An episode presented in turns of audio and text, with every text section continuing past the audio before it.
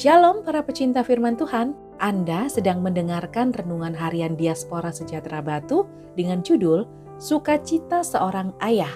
Bacaannya terambil dari Wahyu pasal 21 ayat 5 sampai 8. Ia yang duduk di atas tata itu berkata, Lihatlah, aku menjadikan segala sesuatu baru, dan firmannya, tuliskanlah, karena segala perkataan ini adalah tepat dan benar.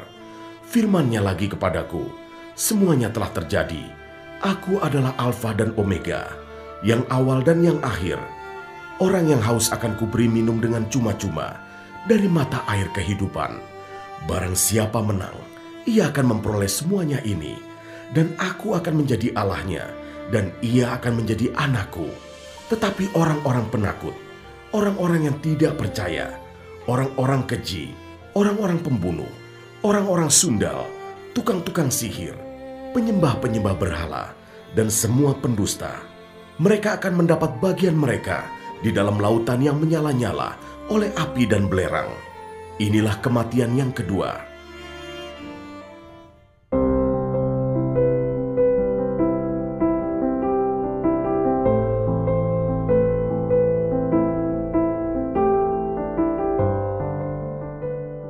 Siklus hidup manusia sebagian besar sama. Lahir, dibesarkan, masuk dalam dunia pendidikan, setelah dewasa bekerja, menikah, dan punya anak.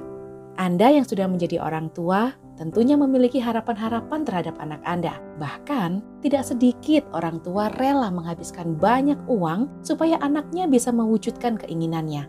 Namun, dasar yang tidak boleh diabaikan oleh orang tua adalah memiliki tanggung jawab untuk mendidik anaknya menjadi pribadi yang dewasa, baik dalam berpikir, bersikap, bisa mengendalikan emosi dengan bijak, bertanggung jawab dengan setiap kepercayaan yang diberikan kepadanya, bertanggung jawab dengan setiap berkat yang Tuhan percayakan, mengasihi Tuhan dengan segenap hati, jiwa, pikiran, dan kekuatan. Tentunya untuk mencapai kedewasaan tersebut dibutuhkan proses yang cukup panjang, dan ketika anak telah mencapai kedewasaan itu, maka sukacita orang tua terasa lengkap sudah. Demikian juga dengan Allah yang menghendaki setiap orang percaya memiliki kehidupan rohani yang dewasa di dalam Tuhan. Tentunya, proses untuk menjadi pribadi yang dewasa rohaninya dibutuhkan waktu dan alat bantu yang tidak mudah.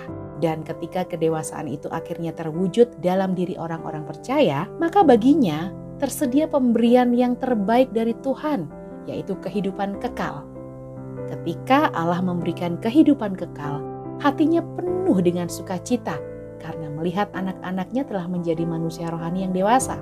Kiranya kita menjadi manusia rohani yang dewasa di dalam Tuhan.